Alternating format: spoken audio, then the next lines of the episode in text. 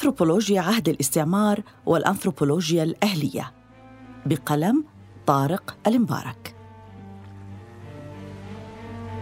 يقول الأنثروبولوجي المغربي البارز حسن رشيق وهو يتذكر حياته في أرض الميدان البحثي لقد قضيت عشر سنوات من عام 1983 إلى 1992 في ثلاث قرى تسكنها 300 عائلة من أجل فهم جوانب من حياتهم اليومية.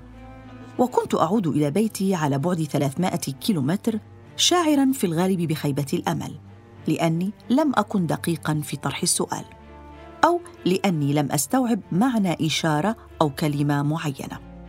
أحيانا أجدني مضطرا للحديث عن دوار ثقافي فقد أدركت أن ما غاب عني عند أمازيغ الأطلس الكبير ورحالة المغرب الشرقي بلغ درجة كان لزاما علي أن أتعلم كل شيء تقريبا.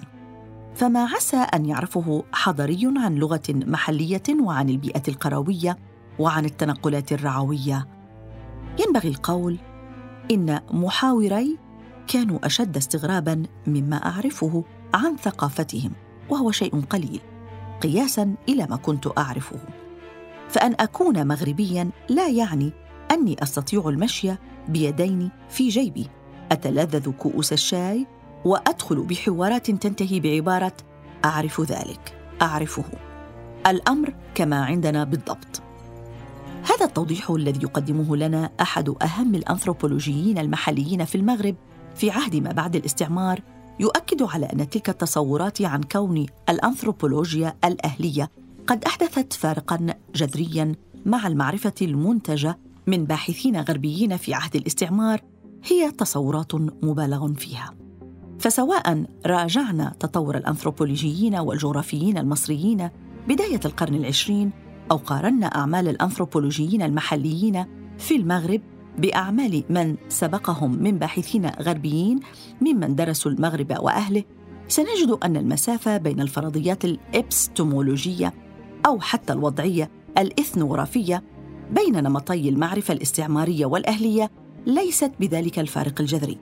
وأيضا من ناحية أخرى فإننا سنجد تحولا في علاقة بعض الأنثروبولوجيين العرب بالتركة الأنثروبولوجية الموروثة من عهد الاستعمار من اختزالها لأداة استعمارية مباشرة إلى اعتبارها معرفة قابلة للبناء عليها جزئيا دون إغفال لبعدها المؤدلج.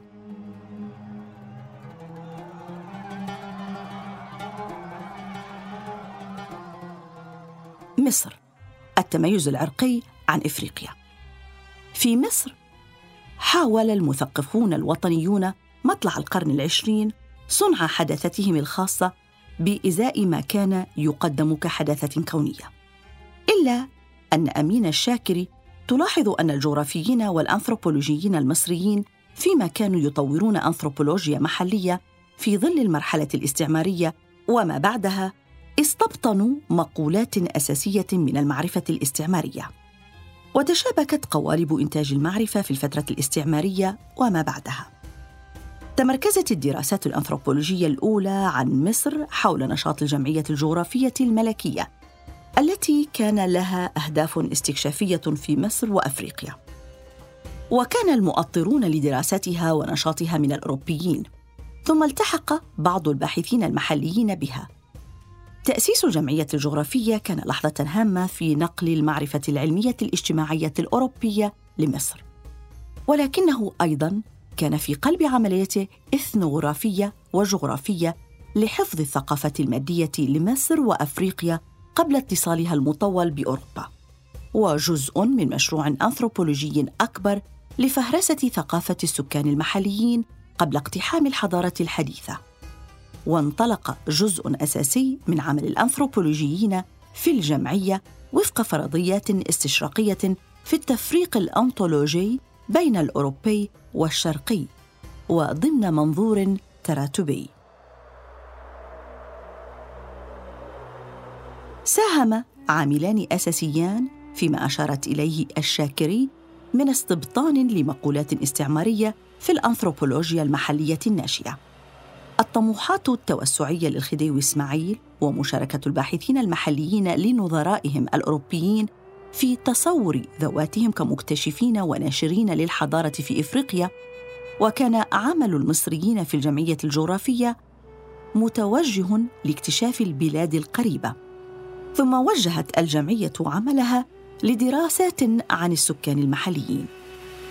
واستند بعض المثقفين المصريين على فكرة التفوق الحضاري بازدراء السودان الأدنى تمدناً للمطالبة بتشريع أحقيتهم بالدور التحديثي للسودان أمام الإنجليز.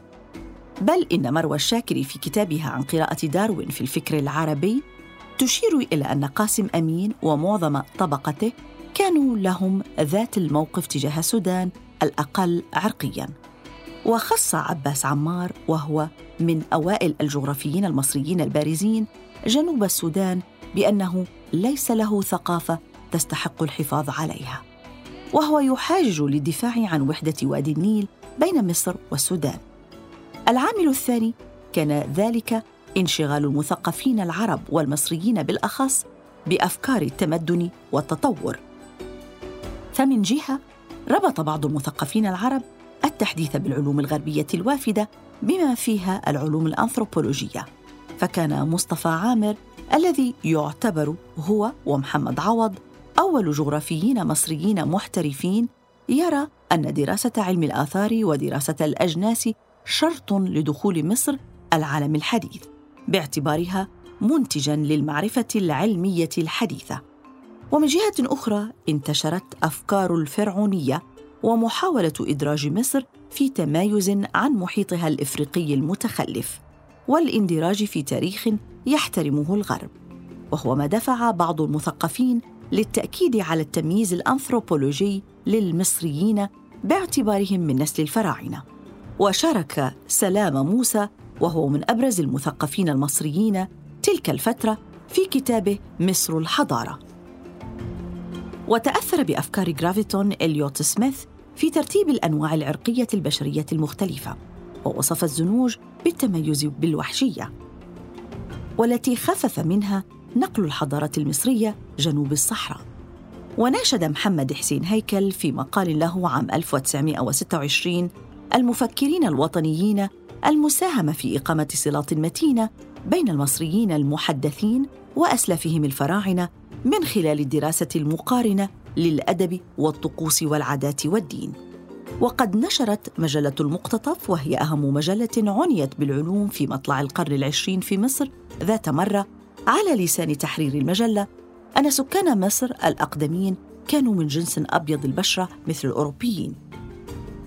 لكن هذا العرض من جانب أمين الشاكري للتوجه الوطني للمثقفين المصريين باعتبارهم استخدموا تميزهم العرقي وتفوقهم الحضاري على السودان.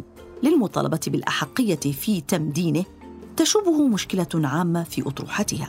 فهي كما قال أحد المعلقين على كتابها في وصف طريقتها تربط موضوعات متباينة كالخرزات على السبحة بشكل غائي جدا. فلا تفسر المعطيات المخالفة إلا على سبيل الاستثناء. وهي إشكالية شائعة نسبيا في الدراسات ما بعد الكولونيالية. فعمار عباس على سبيل المثال برغم مشاركته في الدعوات حول أحقية مصر بتمدين السودان رفض فكرة التميز العرقي المصري بل أكد على الأصول الحامية المشتركة لقدماء المصريين والنوبيين ورفض أيضا فكرة النقاء العرقي واعتبرها خرافات سياسية ليس لها أي مستند علمي. تبعا لآراء أستاذه المشرف عليها في مانشستر اتش جي فلور وهذا يتضح أيضا في تقديمها لكتاب يوسف نحاس برغم إشارتها لتحوله لنص أساسي كاستثناء من الاتجاه العام في تأبيد صورة الفلاح المصري في الكتابات المبكرة عن الفلاحين. فنحاس قدم أطروحة مختلفة بربطه أوضاع الفلاحين بالعوامل التاريخية التي مروا بها دون أي نزعة رومانسية أو إشارات لصفات لا تاريخية لهم. وأيضا حين عالجت الكتابات الكولونيالية عن الفلاح المصري تعاملت بنفس القدر مع أعمال ألبير ديمانغون وجان لوزاك وجورج هاج أعمالهم التي حاولت التوفيق بين حقائق البيئة الريفية وحقائق الاقتصاد الريفي. لاحقا وفي منتصف القرن العشرين بدأت هيمنة علم المصريات ودراسة التاريخ الفرعوني تتراجع بين الباحثين المصريين لصالح الدراسات السوسيولوجية عن مصر الحديثة تجاوزا لفكرة أن مصر الحديثة هي امتداد لمصر القديمة التي تستحق الدراسة في نظرة لا تاريخية أن تؤبد المصريين في صفات موروثة عن أصولهم الفرعونية. أنثروبولوجيا عهد الاستعمار في المغرب ونشوء الأنثروبولوجيا المحلية. في المغرب وهو البلد العربي الآخر الذي ورث تركة أنثروبولوجية من عهد الاستعمار تستدعي النظر فيها دار نقاش بين الأنثروبولوجيين المحليين حول منهج التعامل مع هذه التركة.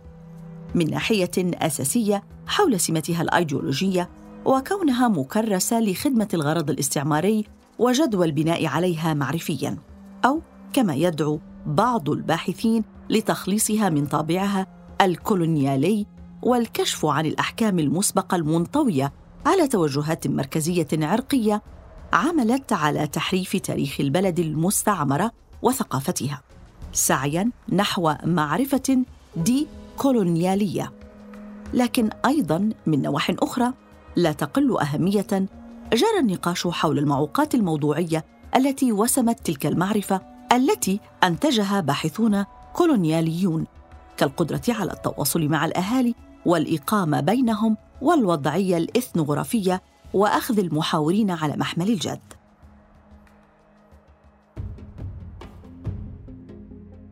حسن رشيق الذي أشرنا إليه شارك مع زملائه الآخرين وهما محمد العيادي ومحمد الطوزي في إصدار الإسلام في الحياة اليومية عام 2006 وهو كتاب يمثل تاويلا لمواد مجمعة بفضل تحليل سوسيولوجي على عينة من المغاربة. كان مع زميليه قد وصفوا في مقدمة هذا الكتاب المعرفة المتعلقة بالمجتمع المغربي بمختلف جوانبه بأنها كانت تخدم المرامي السياسية لإدارة الحماية في عهد الاستعمار وأن السلطة الاستعمارية جعلت المعرفة أحد أركان سياساتها للسيطرة على المغرب. في لغة لا تبتعد كثيرا عن التوجه السائد بين الأنثروبولوجيين العرب في نظرتهم للتركة المعرفية الكولونيالية منظورا إليها بشكل أساسي كمعرفة مؤدلجة تخدم المصالح السياسية. إلا أن رشيق عاد في الأنثروبولوجيا في الوطن العربي عام 2012 وهو حوار مع الأنثروبولوجي السعودي أبو بكر باقادر ليدافع عن الدعوة لدراسة منظمة للعلاقات المعقدة بين الطلب السياسي الاستعماري والعرض الأنثروبولوجي الأكاديمي. وأضاف بأن تأريخ العلوم الاجتماعية وتطبيق علم اجتماع المعرفة على هذا التأريخ قد خطى خطوات كبيرة. لا تسمح لنا باجترار فكر مبسط يختزل تاريخ علم ما في بعده الأيديولوجي والسياسي. وهو نقد وسعه في كتابه القريب والبعيد قرن من الأنثروبولوجيا بالمغرب. عام 2012 الكتاب الذي يمثل مراجعة أساسية للدراسات الأنثروبولوجية المنتجة عن المغرب في عهد الاستعمار وما بعده من قبل باحثين غربيين. يؤكد رشيق على أن من الاختزال اعتبار الأنثروبولوجيا الكولونيالية مجرد انعكاس للأيديولوجيا الكولونيالية فالأعمال المنجزة حول المغرب كولونيالية كانت أم لا مندرجة ضمن التقاليد النظرية المختلفة التي تمتلك أسئلتها ومعجمها ورهاناتها الخاصة بها. لا يستبعد رشيق تأثير وقوة الأيديولوجيا على كل سياق يفترض فيه على المعرفة أن تكون مشروعا علميا. لكنه يترك جانبا فكرة وجود سياق محدد بطريقة كلية وخارجية يؤثر على منتج الباحثين الكولونياليين بطريقة متشابهة برغم اختلاف مدارسهم النظرية ووضعياتهم الإثنوغرافية. ويأخذ بالاعتبار السياق بوصفه مجموعة من الموارد والإكراهات المؤثرة في المكانة الاجتماعية للباحث وفي أعماله. فالسياق الكولونيالي ليس شيئا قابلا للتحقق منه خارج تجربة أنثروبولوجية لتلك الحقبة فهو سياق يحيل للظروف العامة لبلد ما قدر احالته للظروف الخاصة بإنتاج الخطاب الأنثروبولوجي. وبناء عليه لم تعد العلاقة بين سياق وخطاب معين بسيطة ولا مباشرة. ومهما كانت اهتمامات الباحث فإنه مدعو من خلال دوره الاجتماعي إلى أن يضع نفسه في إطار تقليدي نظري يشكل مرجعية في نظره ويستعير منه مفرداته ومسلماته وفرضياته. ينبغي على أنثروبولوجيا كولونيالي أن يحترم العلم المعيار في عصره. وأن يتوافر على جماعة مرجعية. ويضرب رشيق لذلك مثالا بإدموند دوتي الذي أسهم في توسع فرنسا الكولونيالي والذي كان في احتكاك دائم بمارسيل موس ومجلة الحولية الاجتماعية وجاك بيرك الموظف الكولونيالي طوال عشرين سنة. والذي كان على علاقة بالحلقة الذائعة الصيت بباريس مارسيل موس لوي جيرني هذا لا يعني تجاهل التوظيفات السيئة للنظرية والتأويلات الما بعديه والظرفية لها والتي تقتضي التيقظ للاختلالات الواردة بين التقاليد النظرية ونتائج البحث.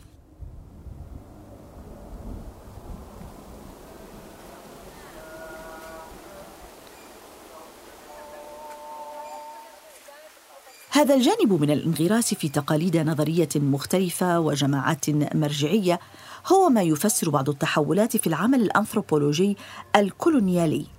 فالذي وجه مؤسسي الأرشيفات المغربية للمرور المتدرج من وضعية الرحالة المستكشف إلى الباحث المقيم وهو وضع يسهل اللجوء إلى المقاربة المونوغرافية هو استعداد فكري أي الرغبة في تجاوز التأملات السوسيولوجية الوضعية.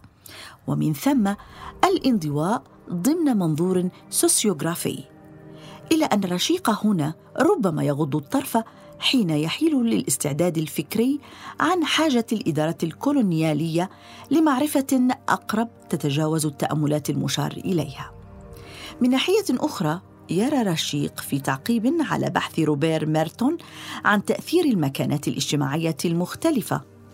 للباحث كالفرق بين الباحث المندرج غير المندرج داخل بيروقراطية معينة.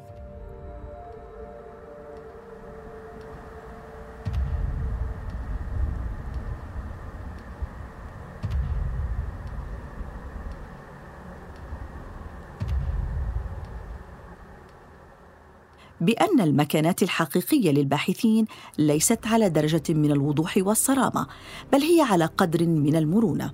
فإدموند دوتي كان مدرسا بالجزائر وأنجز مهام دقيقة بالمغرب في إطار المشروع الكولونيالي. والعكس صحيح فجاك بيرك مثلا كان موظفا كولونياليا وأنجز أبحاثه ضمن توجه أكاديمي. وباستبعاده لفكرة نزع طابع الكولونيالية عن المعرفة الكولونيالية وهو شيء لم يعرف أبدا كيفية القيام به. كما يقول فإن ما يخلص إليه رشيق هو أنه لا يعني أن تكون نظرية ما ملوثة بالأحكام الأيديولوجية أنها تفضي بالضرورة إلى أوصاف خاطئة. ينبغي أن تفهم المعرفة الأنثروبولوجية الكولونيالية وما بعد الكولونيالية من خلال نقد لأسسها النظرية. ومن ثم نوضح عند الاقتضاء أن تأويلات كاتب لا تعدو أن تكون سوى تبرير عقلاني للمصالح الكولونيالية أو الفئوية.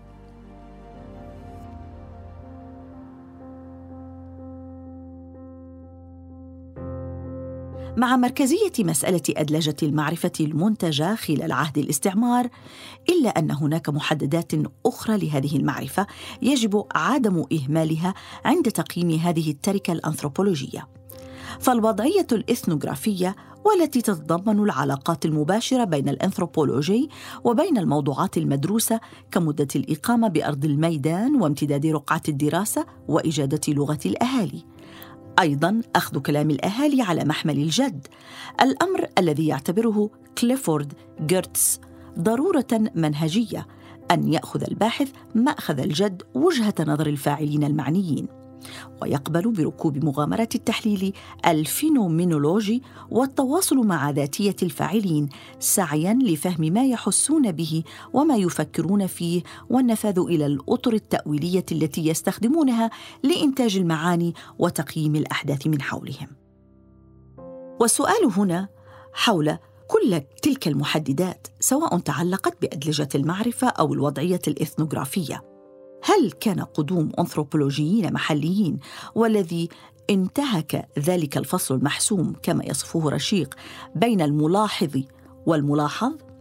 حيث ينتمي الأول دوما لبلد غربي كولونيالي في الغالب هل كان قدوم هؤلاء الباحثين المحليين يصنع تقابلا واضحا بين الأنثروبولوجيا الأهلية وسابقتها الكولونيالية؟ يفاجئنا رشيق بأنه برغم محاولته كأنثروبولوجي مغربي تجاوز إشكالات من سبقه باشتراكه في لغه الأهالي وإقامته بينهم لعشر سنوات إلا أنه وجد أن تلك العناصر المشتركة بينه وبين الأهالي هي أكثر العناصر سطحية في الغالب وحتى فيما يخص اللغة وهي عنصر مشترك فارق للباحثين المحليين. يقول عبد الله حمودي إن قلة من الدارسين المغاربة يعرفون اللهجات البربرية أو حتى اهتموا بدراستها بشكل تفصيلي. وعلى مستوى اختيار المواضيع فإن مؤلفي الإسلام في الحياة اليومية يشيرون إلى أن أعمال الأنثروبولوجيين المغاربة في مجال الظواهر الدينية من ناحية المواضيع لم تختلف على الأنثروبولوجيا الاستعمارية. الزاوية والذبيحة والتنكر وزيارات الأضرحة والعرافة إلى آخره. الا أن التغيير في هذه الأعمال انصب على البعد النظري. والأكثر دلالة في ذلك أي هشاشة التقابل بين الأنثروبولوجيا المحلية والاستعمارية أنه في أعمال المغاربة هذه لن تتم إعادة النظر في الفرضيات الإبستمولوجية بالرغم من النقد الأيديولوجي اللاذع إلا على نحو ضعيف.